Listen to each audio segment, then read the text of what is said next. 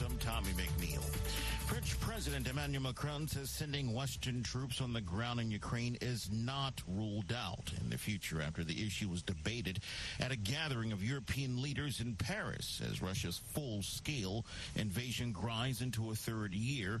The French leader said that we'll do everything needed so that Russia cannot win. win. Uh, the war, the meeting gathered over 220 European heads of state and government, government and other Western officials. Macron added, there's, no, consensus today to send an official endorsed manner troops on the ground. But in terms of dynamics, nothing can be ruled out. He declined to provide details about which nations were actually considering sending troops there. An, active duty member of the U.S. Air Force has died after setting himself a ablaze outside the Israeli embassy in Washington while declaring that he will no longer be complicit in genocide.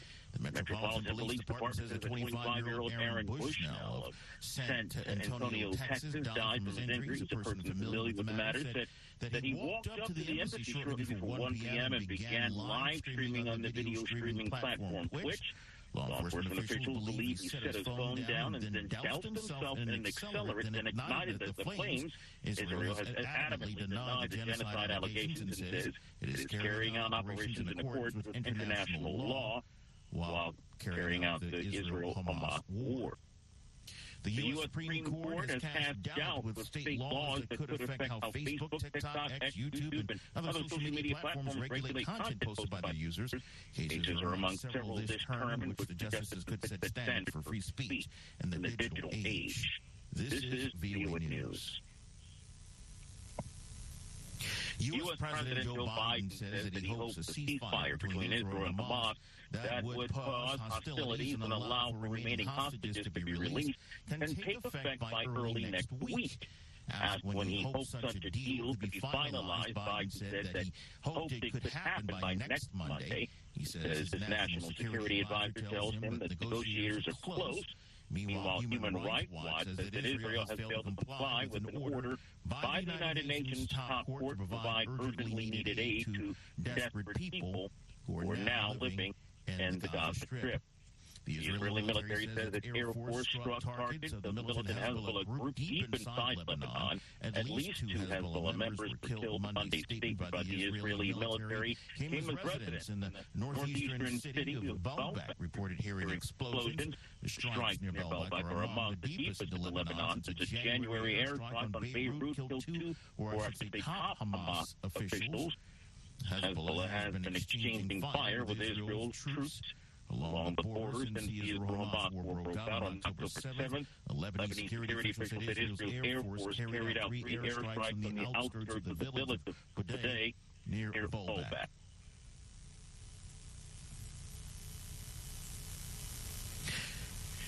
February's end is bringing wild weather to much of the United States with a record, record heat allowing for golf in Wisconsin and outdoor food trucks in Minnesota, along with an, an increased fire risk across much of the Great Plains, but blinding snow in the northwest has been blowing eastward in places like Chicago, and it should see temperatures swinging dramatically from balmy to bitter cold again.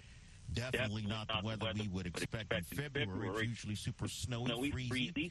You know, you know ice, everywhere, and so we're just, just trying, trying, to take, take advantage, advantage, of a very nice week this week. week. That's, That's according to Tanya Sepulveda, a 30-year-old Chicago therapist who was working from home Monday using her laptop in a grassy spot along the Lake Michigan shoreline.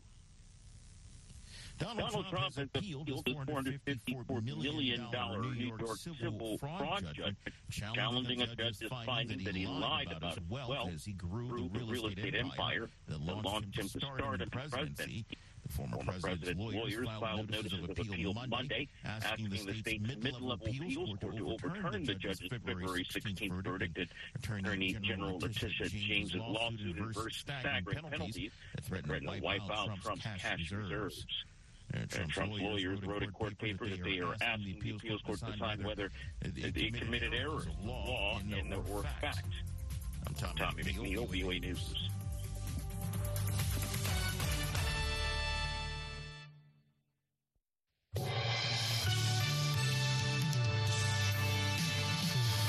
NATO admits Sweden. I think this only underscores, yet again, the strategic debacle that Putin's invasion or reinvasion of Ukraine has produced uh, for Russia. There could be a ceasefire in Gaza by next week.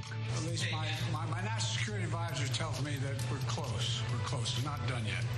And my hope is by next Monday, we'll have a ceasefire. And South African girls revolutionizing skateboarding. Because I do believe that skateboarding can teach life lessons to the kids and it can help them a lot. Today is Tuesday, February 27th, and this is VOA's International Edition. I'm Scott Walterman. Sweden applied to join NATO in May 2022. The final hurdle was cleared Monday when Hungary became the final vote in the alliance to make it official. Sweden will become the 32nd member. More now from Henry Ridgwell in London. A flagpole stands empty at NATO headquarters in Brussels, waiting to hold aloft the Swedish colours. The final hurdle to Sweden's membership was cleared Monday as Hungarian lawmakers voted to ratify the bid more than 600 days after it was submitted. Urging MPs to vote for the ratification, Hungarian Prime Minister Viktor Orban said Swedish Hungarian military cooperation and Sweden's accession to NATO will strengthen Hungary's security. Hungary was the last of NATO's 31 members to ratify Sweden's application, which Sweden submitted jointly with Finland in May 2022, three months after Russia's full-scale invasion of Ukraine. Orban had delayed the vote over Sweden's criticism of democratic backsliding in Hungary. But a visit by Swedish Prime Minister Ulf Kristersson to Budapest Friday and the purchase by Hungary of four Swedish Gripen fighter jets overcame the tensions. Kristersson said it was a historic day. Sweden is expected to officially join NATO in the coming weeks, breaking its decades long policy of military non alignment. Robert Dalsjö is a senior analyst at the Swedish Defence Research Agency. The final piece of the puzzle falling into place, making NATO's position uh, in the Nordic Baltic region whole. Sweden gains security in the crowd and uh, that, uh, supported by American nuclear deterrence. Sweden also brings valuable military capabilities to the alliance. We have a, a modern air force uh, with um, uh, Gripen planes. Uh, we have uh, excellent submarines, uh, especially adapted to the conditions in the Baltic Sea. we have a small but high-tech navy and we have, uh, on the ground, we have subarctic capabilities. Latvia, Lithuania, and Estonia are widely seen as among the most vulnerable NATO member states to a potential attack by Russia. Having Finland and Sweden in the alliance creates a powerful deterrence, say analysts. Charly Salonius Pasternak of the Finnish Institute for International Affairs. Enabling the defense of uh, Latvia, Lithuania, Estonia uh, from different angles. It will be possible to do very large combined air operations looking at directions from North Finland and Northwest Western Sweden with both of those countries as, as NATO members, something which was not possible to plan uh, as little as a year ago. An accession ceremony is expected in the coming days after final formalities are completed. NATO Secretary General Jens Stoltenberg said Monday that Sweden's accession will make us all stronger and safer. Russia did not immediately respond. In the past, it has said that NATO membership would make Sweden a legitimate target for Russian retaliatory measures. Henry Ridgwell, VOA News, London. Joining us now to talk about this is Charles Kupchan with the Council on Foreign Relations. So um, let's start with the uh, with the vote to let Sweden in. Big moment for them. 18 months, uh, 31 votes. They become the 32nd member of NATO. Yeah, it's a it's a big day for Sweden. Not a shining day for Hungary in the sense that Orban dragged his feet, tried to play the bad boy of NATO by waiting and waiting and waiting. And it seems he did two things. One was to exact a pound of flesh, getting some Gripen fighters from Sweden, maybe negotiated the price down, who knows.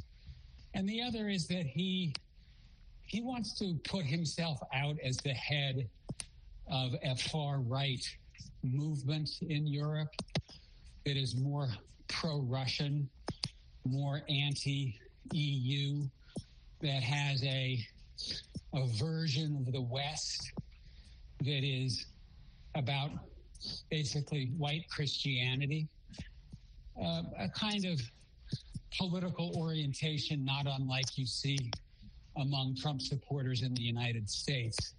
And I think he thought that by dragging his feet on Swedish membership, he would strengthen his position as the leader of that kind of far right grouping in the EU. It was also a huge miscalculation by Putin, if you look back, uh, who just added 800, if you include Finland, 800 miles of NATO border on his country. It is a fundamental strategic defeat for Putin. If you go back and you look at what he said as he was getting ready to invade Ukraine, it was about undoing the post Cold War settlement, pushing NATO forces away from the eastern flank, weakening the West's posture. What does he have instead?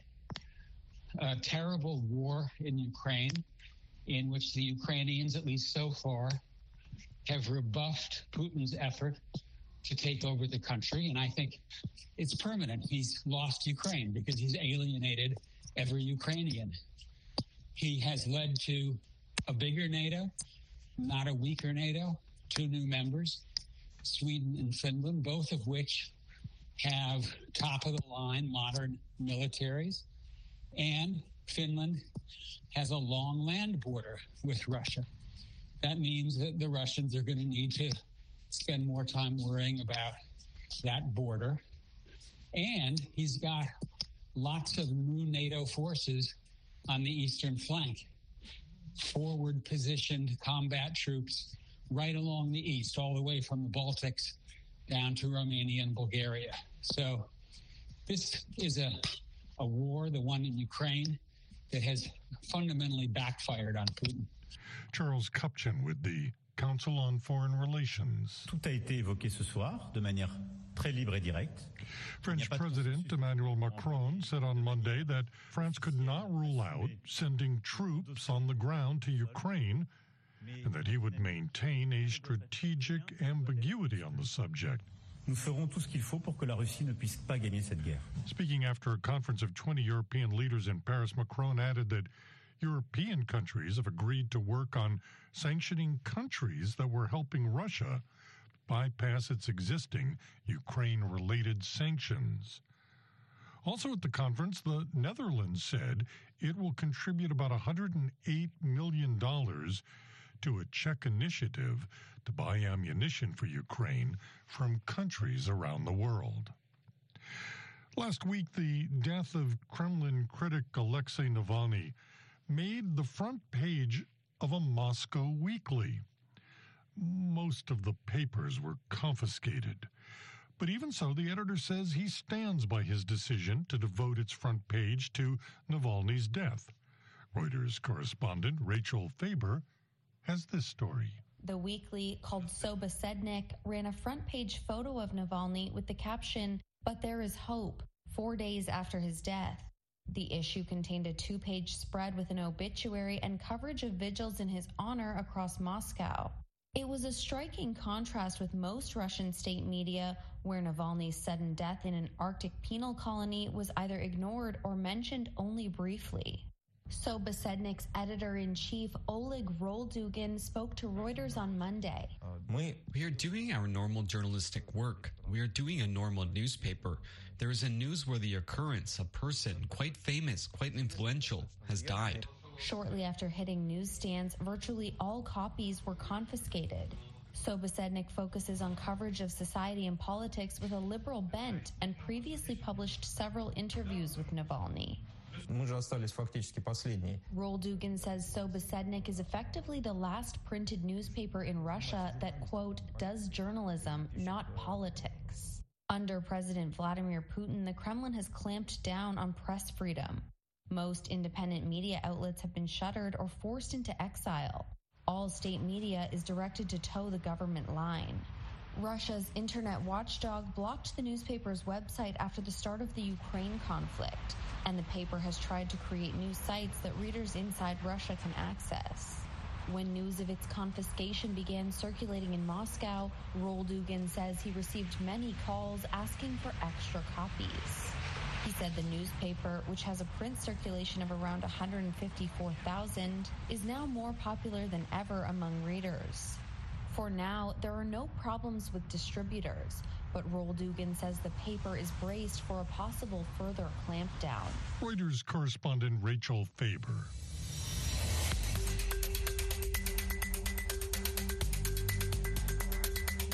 We're following these other stories from around the world. Colombia's government and the National Liberation Army rebels said on Monday they've held peace talks and will meet again in April. The guerrilla group has fought the government since 1964. They met in Havana over the weekend and will meet again in Venezuela on April 8th. The UN nuclear watchdog has voiced growing concern over Iran's ability to build nuclear weapons, fueled by recent public statements in the country, according to a confidential report seen by the news service AFP on Monday tensions between Iran and the International Atomic Energy Agency have repeatedly flared since a 2015 deal aimed at curbing Tehran's nuclear program in exchange for sanction relief has been left in tatters. A U.S. airman has died after setting himself on fire outside the Israeli embassy in Washington on Sunday in protest over the war in Gaza. President Joe Biden says he hopes to have a ceasefire in the conflict between Israel and Hamas by next week. At least my, my, my, national security advisor tells me that we're close. We're close. We're not done yet. And my hope is by next Monday, we'll have a ceasefire. Also from the Palestinian territories on Monday, Palestinian Prime Minister Mohammed Shtayyeh announced his resignation on Monday as the Palestinian Authority looks to build support for an expanded role following Israel's war against the Islamist group Hamas in Gaza. Reuters correspondent Lucy Fielder has more details on this. Palestinian President Mahmoud Abbas is under growing U.S. pressure to shake up the Palestinian Authority. Several Western countries, including the United States, want the PA to play a role in running the Gaza Strip, which is currently ruled by Hamas, should the war come to an end. Washington says a ceasefire is now close. Israeli officials headed on Monday to Qatar, where Hamas has its political office, to work on terms of a Gaza truce and hostage release deal, a source told Reuters. Shtayyeh, an economist who took office in 2019, said the next stage should take account of the emerging reality in Gaza, which has been laid waste by nearly five months of heavy fighting. Nearly 30,000 people have been killed by Israel's bombardment and ground offensive, according to the enclave's health authorities, and most Gazans have been made homeless. This decision comes based on the political, security, and economic developments that are related to the offensive on our people in Gaza and the unprecedented escalation in the West Bank and Jerusalem, and to what our people and the Palestinian cause are facing, as well as our political system that has been aggressively attacked in an unprecedented manner, and based on the genocide, forced displacement, and the starving of people in Gaza. Israel says it will not accept Palestinian Authority rule over the Gaza Strip after the war, and it has vowed to destroy Hamas, whose attack on southern Israel on October 7th killed some 1,200 people, according to Israeli tallies. Fatah, the faction that controls the Palestinian Authority, and Hamas have made efforts to reach an agreement over a unity government and are due to meet in Moscow on Wednesday. Shtayyeh's resignation must still be accepted by Abbas, who may ask him to stay on as caretaker until a permanent replacement is appointed. Reuters correspondent Lucy Fielder Hamas is a U.S. designated terrorist group.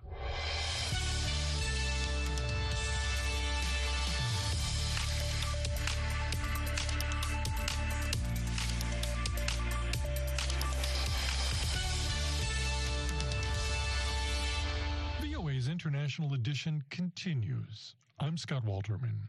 The Ugandan government says about 30 Ugandans are stuck in Myanmar being forced to work as online scammers. Officials say they were lured there by traffickers with the promise of a job and are now being held by gangs who run the scamming operations. Francis Mugisha, an information technology expert, is back in Uganda after a nightmare of an experience in Asia. He says it began after he took a job as a data manager and IT specialist in Laos. Not long after his arrival, Mugisha says his bosses told him he owed them 16,000 Chinese yen, the equivalent of $2,225, and the conditions of his job abruptly changed. I never expected someone to come and tell me, I've bought you, you're my slave, you have to work for me. Mugisha says they kept his passport and phone and then sold him to another company based in Myanmar, sending him by boat on the Mekong River. But instead of managing data, he was forced to conduct online scamming. Mugisha says he was forced to work long hours under harsh conditions. Uh, times you, you're chained to the chair, like if say, uh, no, I cannot work, I want to go, they chain you to your chair. Mugisha says he managed to finally get out by contacting as many people as he could, reaching out to embassies to get help and support from the International Justice Mission, an international rights NGO, and the Ugandan embassy in Myanmar. Kampala officials say about 30 Ugandans are being held under similar conditions at Myanmar compounds in areas held by rebels fighting the country's military junta. Officials say they are run by Chinese organized crime gangs who often smuggle victims through Kenya. The victims fall into the hands of the gangs once they reach Asia. Derek Basalirwa Kigenyi is Uganda's deputy national coordinator for the prevention of human trafficking. Kigenyi says Ugandan authorities raised the matter with Myanmar's Prime Minister Min Aung Hlaing. Mina Chang is the founder of the non-profit group Humanity Research Consultants, which fights human trafficking. She says gangs target people who speak English and other languages that can be used to scam people outside of China. East Africans do speak good English, so that means it's easier um, when it comes to scamming that they, they may be able to, to target other nationalities more than just Chinese. Uh, also, sometimes the criminals, they do also want to use the victims to, um, let's say, having video calls uh, with the scammed the victim then you need somebody who can actually speak English, right? Like if you put a Chinese who doesn't speak English, then it would be hard to do that kind of job. Chang says the criminal activity is protected through systemic corruption in Myanmar, both in junta and rebel controlled areas where powerful individuals and governments shelter the China based criminal gangs. Halima Athmani for VOA News, Kampala, Uganda. And finally, there's a skateboarding revolution taking place in South Africa. The once predominantly male sport is attracting more and more women. VOA's Zahir Kassam reports from Johannesburg. Boards, helmets, knee pads, and a whole lot of determination to bounce back when you take a tumble. Welcome to Girls Skate. It might not always look graceful, but it's a blast for these kids. Girls Skate was founded by Shanae Jacobs about 10 years ago when she realized she was often the only female in her local skate park. Shanae was determined to spark a change. Today, she holds free training sessions in Soweto and other impoverished communities like this one in Kaya Sands. This was the perfect opportunity for me to get a skate park in for them and start doing sessions with them. Um, because I do believe that skateboarding can teach life lessons to the kids and it can help them a lot. Perseverance, confidence, and a splash of self expression. Jacobs is instilling these values in her students.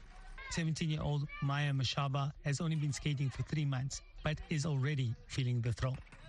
Oh, I feel so good. Like, it's very fun. It's scary to see uh, someone else doing it, but once you try, it's very nice. Mashaba has women's skateboarding trailblazers like skateboarder Boipelo Awuah to look up to. She represented South Africa at the Tokyo Olympics in 2021.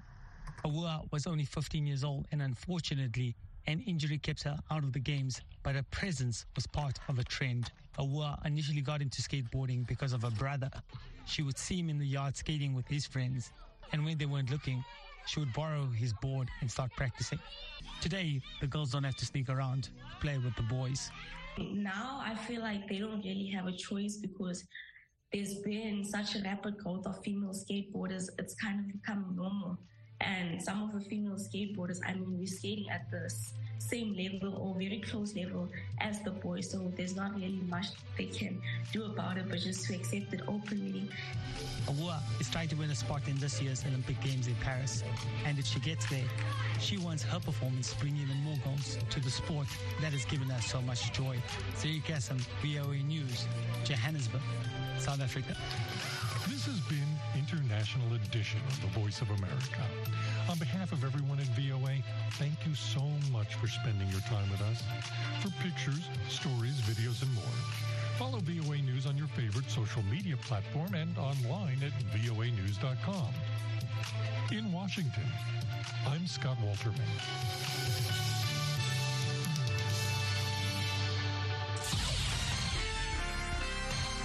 Next, an editorial reflecting the views of the United States government. The Department of State has announced a reward offer of up to $10 million for information leading to the identification and or location of any individual who holds a key leadership position in the Hive ransomware variant transnational organized crime group.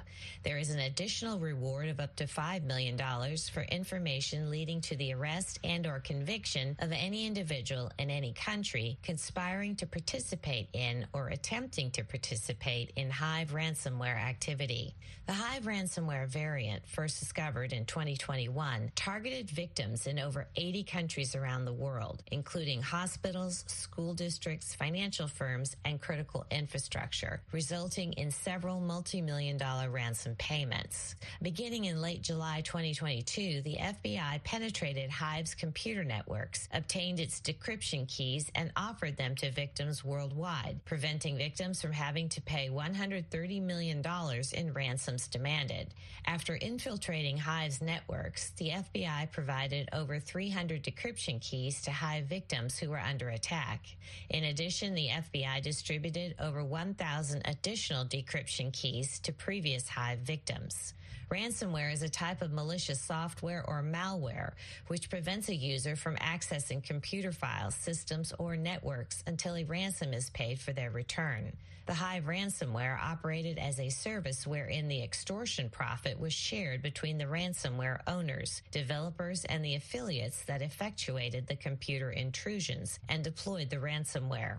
In January, the Department of Justice, in coordination with German law enforcement and the Netherlands National High Tech Crime Unit, seized control of the servers and websites that Hive uses to communicate with its members, disrupting Hive's ability to attack and extort victims. If you have information on Hive leaders, please contact the FBI at plus one three two one two nine seven six two nine two on Signal or Telegram. All identities are kept strictly confidential.